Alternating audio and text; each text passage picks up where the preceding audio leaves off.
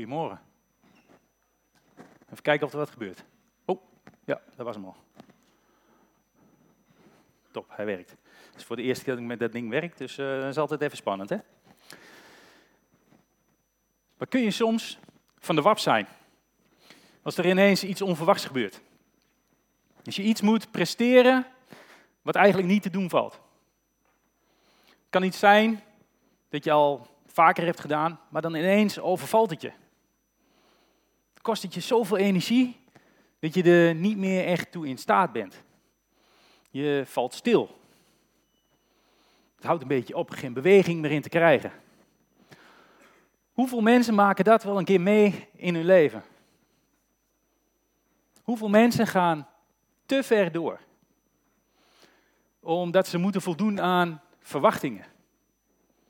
Verwachtingen van hun vrienden, van hun collega's, van hun familie, van hun bazen, van hun klanten. Maar, eerlijk is eerlijk, vooral ook aan de verwachtingen die zij zichzelf opleggen.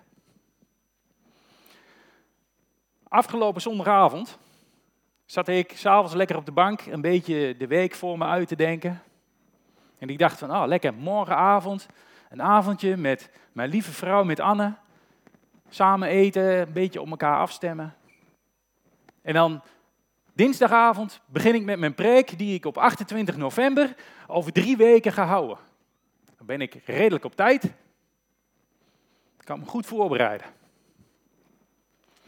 De maandag begint, ik ga naar mijn werk. Het begint allemaal lekker, op zijn gemakkie, gezellig met de collega's. Ik was een keer op kantoor.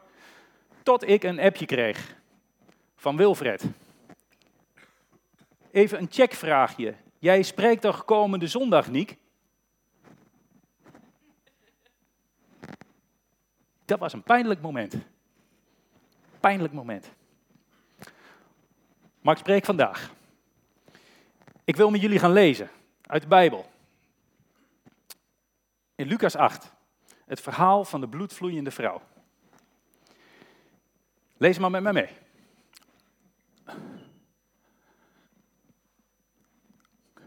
Ik denk dat ik hulp nodig heb.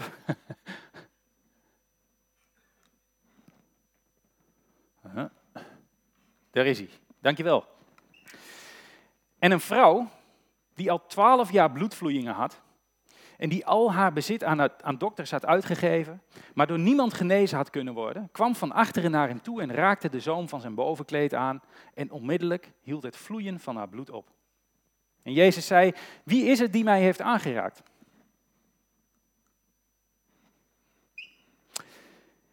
Toen zij het allen ontkenden, zeiden Petrus en die bij hem waren, meester, de menigte duwt tegen u aan en verdringt u. En u zegt, wie is het die mij aangeraakt heeft? En Jezus zei, iemand heeft mij aangeraakt, want ik heb gemerkt dat er kracht van mij is uitgegaan. Ja, nou doet het. Toen de vrouw zag dat zij niet onopgemerkt was, kwam zij bevend naar hem toe en nadat zij voor hem neergevallen was, vertelde zij voor heel het volk om welke reden zij hem aangeraakt had. En dat zij onmiddellijk genezen was. Al twaalf jaar is de vrouw uit dit verhaal ziek. Al twaalf jaar lijdt zij aan bloedvloeien. En als je in die tijd leed aan bloedvloeien, bijvoorbeeld als een vrouw in haar menstruatie zat, dan was je onrein. En als je onrein was, dan moest je afstand houden van de mensen om je heen. Dan kon je op dat moment niet fatsoenlijk deelnemen aan de maatschappij. En al twaalf jaar lang is deze vrouw aan één stuk door onrein. Al twaalf jaar lang kan zij niet deelnemen aan de maatschappij. Al twaalf jaar lang kan zij niet normaal haar huishouden doen. Kan ze niet naar de markt, kan ze geen feestjes bezoeken. Alsof ze al twaalf jaar lang in quarantaine zit, omdat ze aan COVID lijdt. Alles heeft ze al gedaan om genezen te kunnen worden. Alle geld, haar bezit, ze heeft het allemaal opgegeven om weer deel te kunnen zijn van de maatschappij. Om weer een beetje mens te kunnen zijn. En in wat denk ik wel een wanhoopspoging is geweest, probeert zij nu bij Jezus te komen. Ze heeft gehoord van de wonderen die hij doet. Van de mensen die hij geneest. En nu denkt ze, nu moet ik naar hem toe. Als ze Jezus aangeraakt heeft, geneest ze meteen. Maar dan spreekt Jezus haar aan. Niet direct, maar in zijn algemeenheid. Wie is het die mij heeft aangeraakt? En de vrouw probeert zich verborgen te houden. En ze krijgt nog wat hulp van Petrus, die ook een beetje zoiets heeft van, ah, heer Jezus, kom, kom, kom. Is dat niet een beetje een onzinnige vraag hier in die chaotische menigte? Maar Jezus houdt vol. Iemand heeft mij aangeraakt. Ik voelde dat de kracht van mij uitging. De vrouw moet zichzelf bekend gaan maken. Bevend is ze, staat er. Ze trilt, ze shakt. Ik denk dat het is van, van emotie. Emotie over wat haar net is overkomen. Ik denk ook dat het is van angst en van schaamte. Hoe kan ik, onreine vrouw, mij hier bekendmaken ten overstaan van die hele menigte? Wie ben ik, onreine vrouw, dat ik die beroemde rabbi heb aangeraakt? Ze kan zichzelf niet onder ogen komen. Hoe kan ze zichzelf ooit nog accepteren als die menigte weet wat zij gedaan heeft? Zij, een vrouw die al twaalf jaar aan bloedvloeien lijdt, die al twaalf jaar onrein is, die al twaalf jaar niet mag deelnemen aan de maatschappij. Al haar zelfvertrouwen is vertrokken. Haar zelfbeeld is aan gruzelementen. Zij is onrein. Zij mag er niet zijn. En zeker niet daar in die menigte tussen al die mensen. Maar ze kan er niet meer, niet meer onderuit. Bevend komt ze tevoorschijn, valt ze voor Jezus neer en ze doet haar verhaal. Jezus spaart haar niet. Voor het hele volk moet ze vertellen wat er is gebeurd. En misschien vraag je je een beetje af waar al die mensen nou vandaan komen in de buurt van Jezus. Eh, maar dat was een hele stoet en ze waren onderweg naar Jairus. En Jairus was een belangrijk man, een leidinggevende in de synagoge, een vooraanstaand mens. En Jairus is naar Jezus toegekomen, want zijn dochtertje is doodziek. En ook Jairus heeft gehoord van de genezingen die Jezus doet. En ook Jairus heeft hoge verwachtingen. En ze zijn onderweg naar het huis van Jairus. En al die mensen zijn nieuwsgierig en die gaan mee. En nu, nu komt die stoet tot stilstand. Door een onreine vrouw. Haar schuld. Niet handig. Wat zal er gebeuren als zij zich bekend maakt? Wat zou Jezus daarvan vinden? Dat zij, onbelangrijk mens, zij, onreine vrouw, hem tot stilstand brengt onderweg naar het huis van die belangrijke vooraanstaande Jairus. Het is je niet moeilijk voor te stellen dat zij twijfelt om zichzelf bekend te maken. Bevend doet ze het.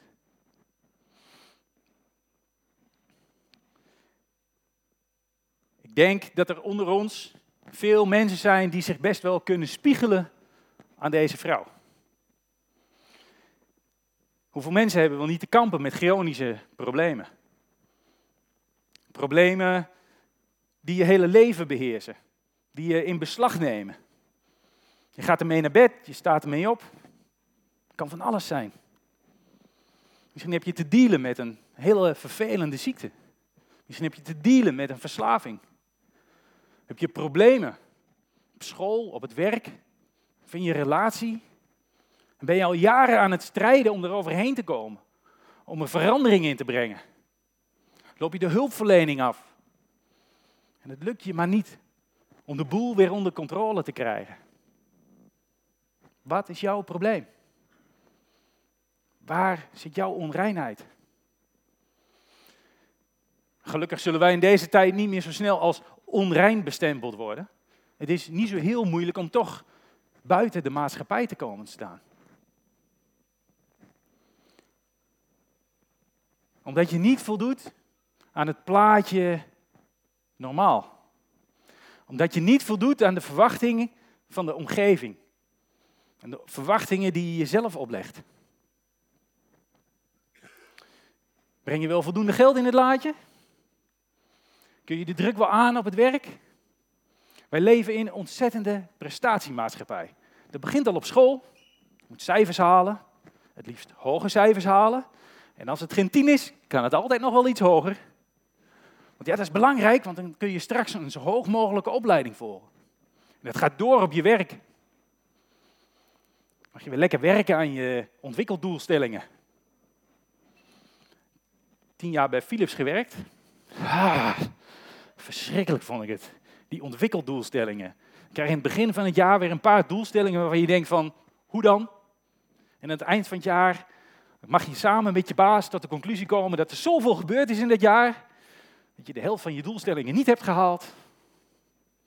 En voelde ik me altijd weer zo'n zo ondermaatse werknemer.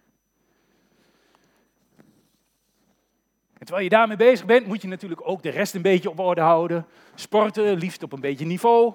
Uh, vrijwilligerswerk doen, mantelzorg. Je hebt een gezinnetje, dat moet er natuurlijk ook als perfecte plaatje uitzien. Het huis moet leuk zijn, goed op orde, schoon, een beetje trendy. Hoe hou je het allemaal vol? Hoe krijg je het gedraaid? Het is toch geen wonder dat er zoveel mensen met een burn-out tot stilstand komen. Heb jij er nog vertrouwen in? Denk jij dat het nog wat kan worden met je? Wat is je verlangen?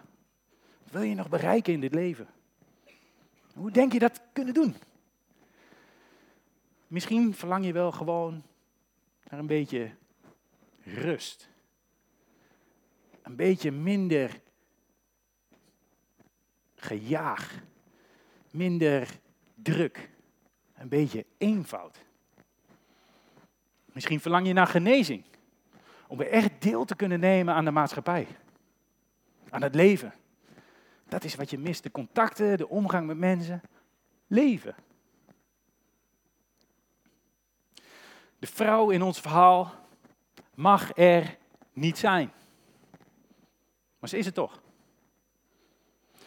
Ze komt naar Jezus toe en ze raakt de zoom van zijn bovenkleed aan. De zoom van zijn bovenkleed. Ik vind dat een beetje een raar detail in de Bijbel. Uh, waarom staat er, ze raakt Jezus aan, ze raakt zijn kleren aan, daar kun je nog iets bij voorstellen. Maar er staat hier specifiek, ze raakt de zoom van zijn bovenkleed aan. Er staan niet zo heel veel dingen in de Bijbel zonder doel, zo ook niet dit. En soms moet je verder kijken dan een stukje tekst wat je aan het lezen bent om de diepere betekenis te begrijpen.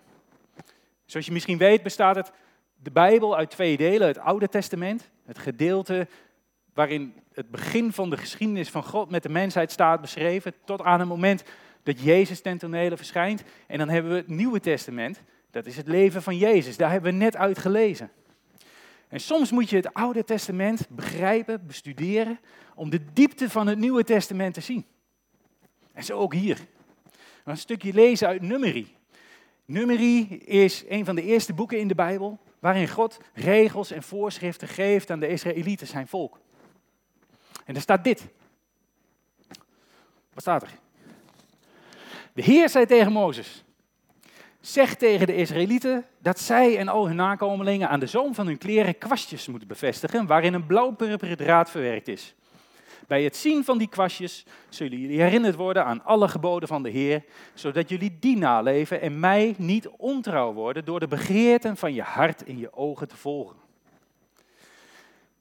Ze zullen jullie helpen om aan al mijn geboden te denken en die na te leven en bij jullie God toegewijd te blijven. Ik ben de Heer, jullie God, die je uit Egypte heeft weggeleid om jullie God te zijn. Ik ben de Heer, jullie God. Dat is een mooie tekst. Is op zich al waard om een keer een preek over te houden, maar dat gaat iets te ver voor vandaag. Maar je hebt het gezien. De zoom van de kleren wordt hier genoemd. Daar moeten kwastjes aan bevestigd worden. En dat deden die Joden dan ook. En je kunt ervan uitgaan dat ook Jezus dit soort kwastjes aan de zoom van zijn kleren had. Maar er staat nog meer in het Oude Testament. In Malachi 3, vers 20. Malachi 3, vers 20 is een profetie. En profetie is een door God ingegeven waarheid over de toekomst. En soms wat cryptisch. En in Malachi 3 staat dit. Maar voor jullie die ontzag voor mijn naam hebben, zal de zon stralend opgaan. De zon die gerechtigheid brengt en genezing in haar vleugels draagt. En in deze profetie is de zon een symbool voor Jezus. Jezus die gerechtigheid brengt. Jezus die genezing in zijn vleugels draagt. Nu is Jezus een mens zonder vleugels. Maar het mooie hier is dat het woord van waaruit vleugels vertaald is, hetzelfde woord is als waarin net in nummerie het woord zoom vertaald is. Kanaf. Kanaf kan zowel als vleugels en als zoom vertaald worden. En als je die twee teksten bij elkaar brengt, dan begrijp je dat de mensen geloofden dat de komende Messias geneeskracht had in de zoom van zijn kleren. En dat is de reden dat deze vrouw naar Jezus toe gaat en de zoom van zijn kleren aanraakt. En zij geneest.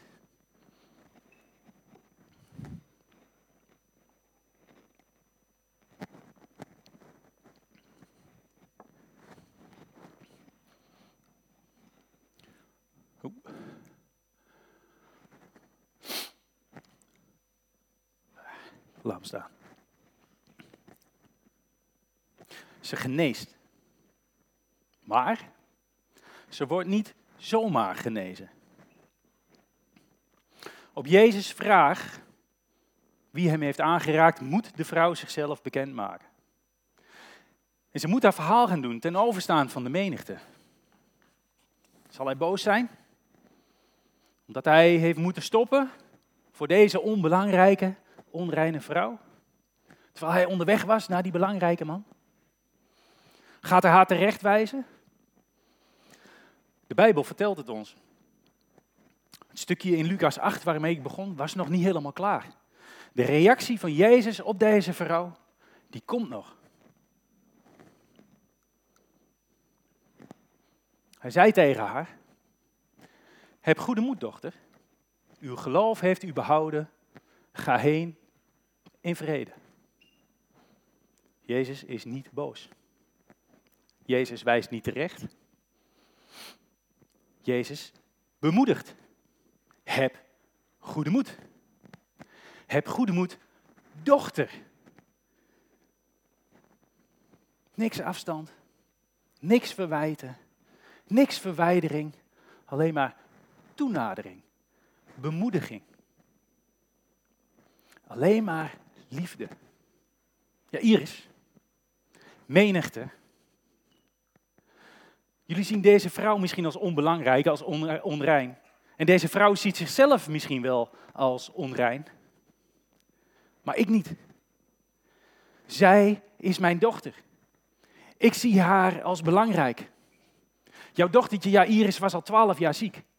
Of is, is twaalf jaar en ligt op sterven. Maar deze vrouw is al twaalf jaar ziek. Net zo lang als jouw dochtertje bestaat. En zij is belangrijk voor mij. Zij is mijn dochter. Kijk nooit minachtend naar iemand. Want iedereen is een kind van God. Zie nooit iemand aan voor minder. In spreuken staat dit. Wie de armen besmot, smaat zijn maker. Jezus noemt haar zijn dochter en hij wenst haar vrede. En door haar vrede te wensen, laat Jezus zien dat de genezing van deze vrouw veel verder gaat dan alleen haar lichamelijke genezing. Jezus wil dat de vrouw tot haar recht komt. Jezus wil dat jij tot je recht komt. Dat je echt kunt leven. Hoe laag je ook van jezelf denkt, hoeveel moeite je ook hebt om aan de verwachtingen te voldoen, jij bent een dochter van de Allerhoogste. Jij bent een zoon van de Allerhoogste. Je bent een kind van de Allerhoogste. En pas als je dat gaat realiseren, pas als je dat ervaart, dan kun je echt gaan leven. Ga heen in vrede, wenst Jezus haar. En vrede komt hier vanuit het Hebreeuwse woord shalom.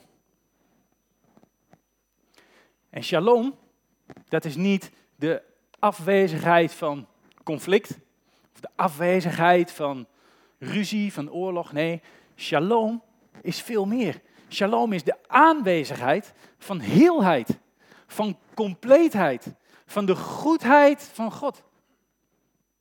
En dat is waar Jezus deze vrouw mee zegent. Hij legt zijn goedheid, zijn heelheid, zijn compleetheid op haar, in heel haar wezen. Niet alleen haar lichaam, maar haar binnenkant en haar buitenkant. En God verlangt voor ons allemaal dat we leven in harmonie met Hem. Lichaam, ziel, geest, verstand, emoties.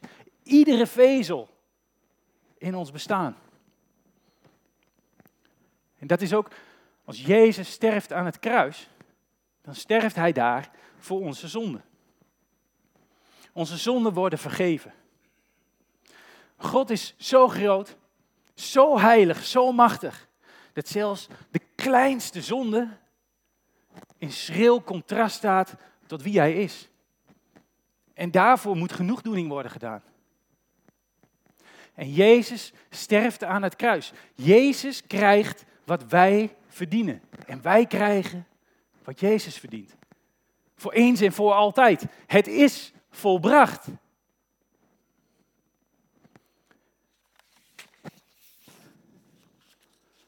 Maar dat sterven van Jezus gaat om meer dan vergeving van de zonde.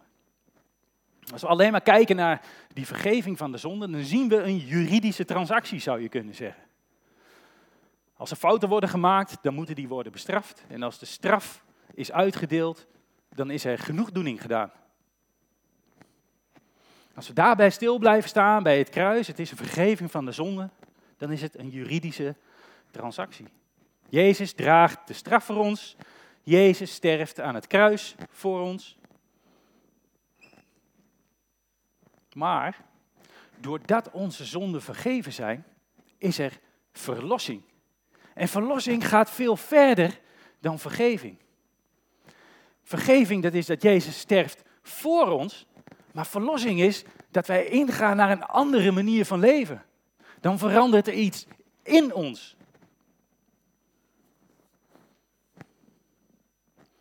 Dat betekent dat het kruis niet alleen maar werkt voor ons, maar in ons. Jezus dood aan het kruis werkt door in ons hart, in onze gedachten, onze ziel en ons leven. Vergeving leidt tot herstel. God wil dat we worden tot de mensen zoals we in oorsprong zijn geschapen. Tot de mensen die Hij voor zich zag toen Hij ons schiep. En dit herstel heeft Jezus voor ogen voor jou. Hij spoort je daarom aan om te veranderen in mensen die altijd liefdevol zijn. Tot een mens die altijd ruimhartig is en bewogen. Het doel van een christen is niet om niet meer te zondigen. Het doel van een christen is om de shalom van God te verspreiden in deze wereld. Het gaat er niet om wat je niet meer moet doen. Het gaat erom dat je wordt tot de mens zoals God jou heeft bedoeld toen hij jou schiep. Heb jij moeite om jezelf staande te houden in deze wereld? Vind je het vermoeiend om altijd maar weer te moeten voldoen aan allerlei verwachtingen? Om door te gaan omdat het zo hoort. Loop jij voor je gevoel op het randje van de afgrond? Dan moet je straks naar een spiegel lopen. En in de spiegel kijken. En kijken wat je ziet. Want wat je dan ziet, is een kind van God. Een dochter of een zoon van de Allerhoogste. En voor jou voor jou is Jezus aan het kruis gestorven. En voor jou heeft Jezus één belangrijke opdracht.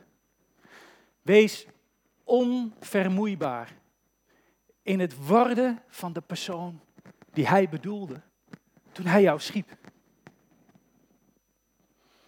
Alle andere moeite die je doet, alles wat je probeert, is zonde. Zonde van je tijd, zonde van je moeite, zonde van je energie. Zes dagen geleden moest ik nog beginnen aan deze preek. Hoe dan? Ik dacht van, als ik nou begin met gebed en ik vraag God om in mij en door mij te werken. Ik bid om de Heilige Geest dat Hij mij de woorden wil geven. Ja, dan komt het misschien wel goed. Maar eerlijk gezegd, als ik drie weken van tevoren begin met een preek, of vier weken, dan doe ik dat ook. Het enige wat ik kon en wat ik kan, is vertrouwen dat God mij de woorden geeft. En God heeft mij woorden gegeven. Zonder stress te ervaren heb ik deze preek mogen schrijven. En het is een preek die mij, en ik hoop ook jou, iets meer maakt tot mensen zoals God ons heeft bedoeld toen Hij ons schiep.